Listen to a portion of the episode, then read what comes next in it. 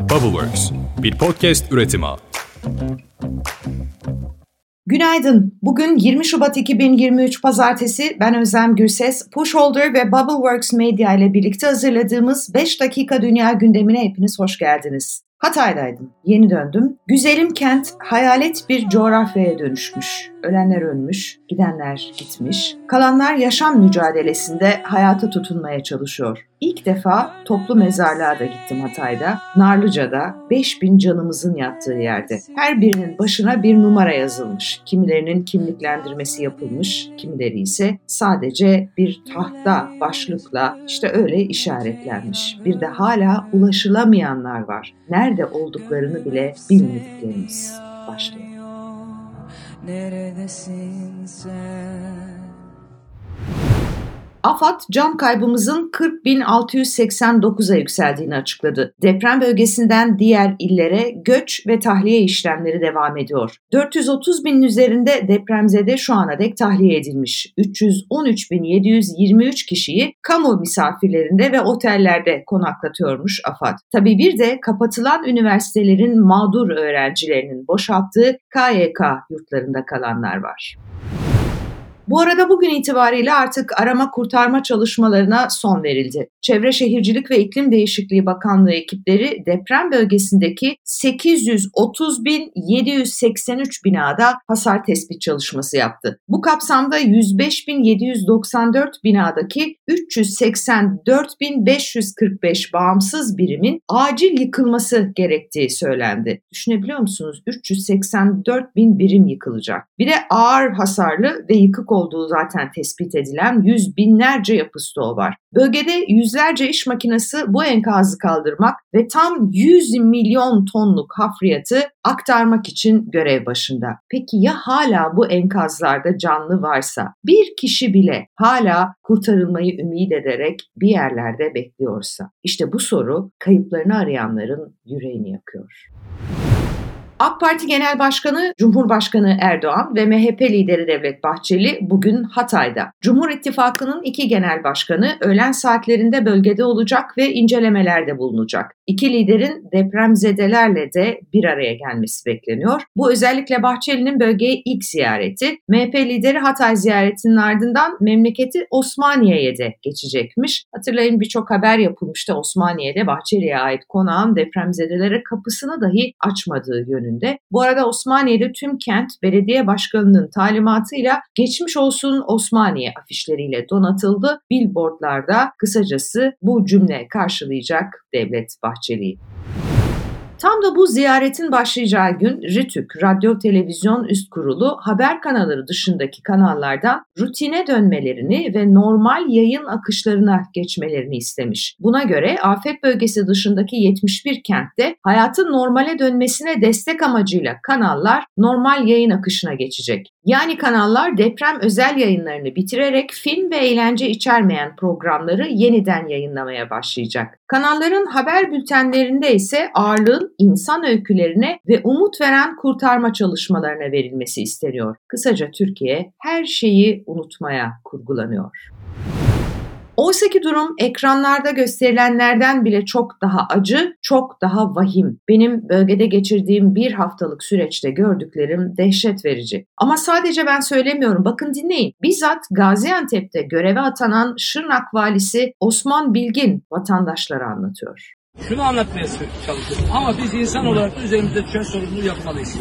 Biz onun için buraya geldik. İnsan olma şey gereği, devletin temsilcisi olarak sizlerle beraber olmak, sizi dinlemek için geldik. Kusura bakmayın belki geç geldik ama durum gördüğünüzden, bildiğinizden çok daha vahim. Açıklanan rakamlardan en az 3, 4 belki 5 kat daha kötü. Bazı illeri komple yıkıp yeniden iller yapacağız. Dolayısıyla bu böyle gördüğünüz İstanbul depremi veya Erzincan o hiçbirine benzeyen bir deprem değil. Şehirler haritadan silinecek, yeni haritalar oluşturulacak. Bu arada evlerinde hasar tespit edilen depremzedeler için afetzede barınma desteği için başvurular başladı. 10 bin TL'lik bir destekten bahsediyoruz. Ev sahibi veya kiracı vatandaşlar E-Devlet üzerinden işlem yapabilecek.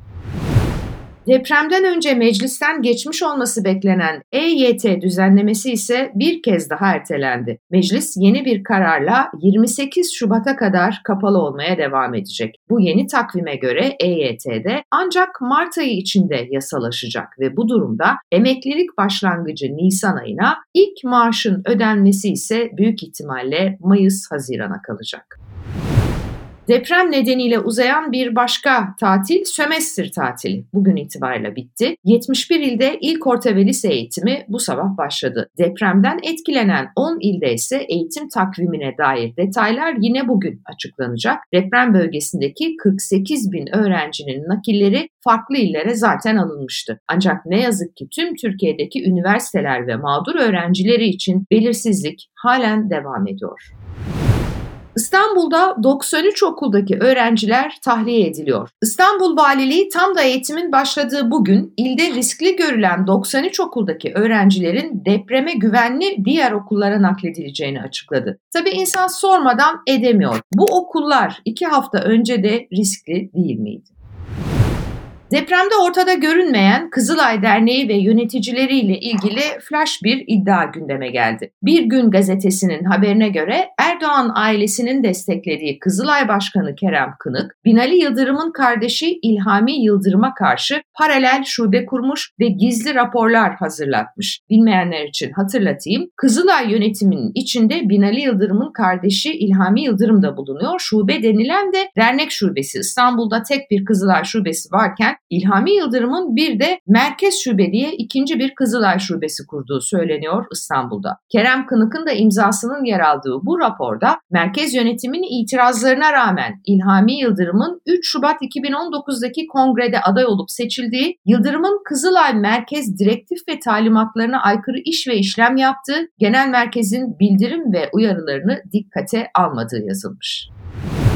Amerika Birleşik Devletleri Dışişleri Bakanı Antony Blinken dün Türkiye'deydi. Dışişleri Bakanı Mevlüt Çavuşoğlu ve Amerikan Dışişleri Bakanı Antony Blinken, Kahramanmaraş merkezli depremlerden etkilenen bölgelerde incelemelerde bulundu. Aynı zamanda Blinken Adana'daki İncirlik üssünü de ziyaret etti. Blinken, Türkiye'deki depremin yıkımını doğrudan görmek derinden üzdü ifadesini kullandı. Bilemiyoruz tabii NATO konusu, İsveç'in, Norveç'in adaylık konusu çok sıcak başlıklardı. Bu ziyarette bunlar da gündeme geldi mi henüz buna dair bir haber yok.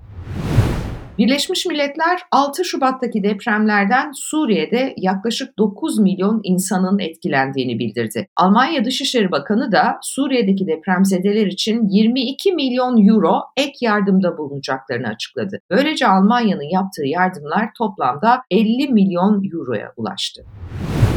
Ankara bu deprem gündeminin ortasında seçimi konuşmaya devam ediyor. Önceki gün Millet İttifakı bir araya gelmiş ve depremle ilgili yazılı bir açıklama yapmışlardı. Cumhur İttifakı'ndaysa seçim tarihi tartışması var. MHP seçimin ertelenmesine sıcak bakmıyor, anayasanın 78. ve 79. maddelerine dikkat çekiyor. AK Parti'de ise iki ayrı görüş var. Bir grup bir yıl sonra 3 sandığı koyalım, yerel seçimlerle genel seçimleri ve Cumhurbaşkanlığı seçimlerini birleştirelim diyor. Diğer grup olursa geçen her gün aleyhimize olur, Mayıs'ta seçim yapmak en doğrusu görüşünü savunuyor.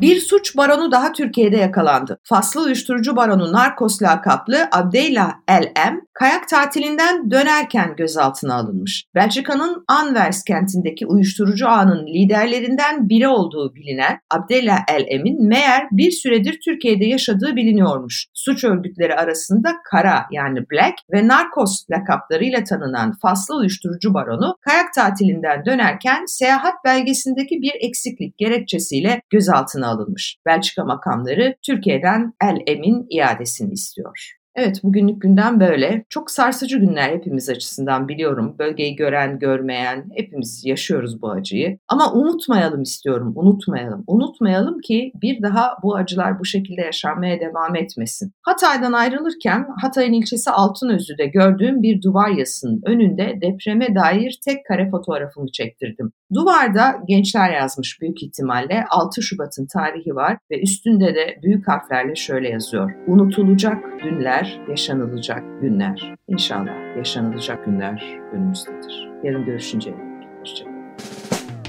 Kurumuş boğazım Bekliyorlar yol ağzımda onlar Bir gün beni sorarlarsa susacağım Elin kanlı çünkü abi demir kapı bundan Ne özlemi hasret suçu doğasında varsa Yoksulun merhameti gaz Elinde saz hep beklemiş gözlerinde yaş sırtında yaz.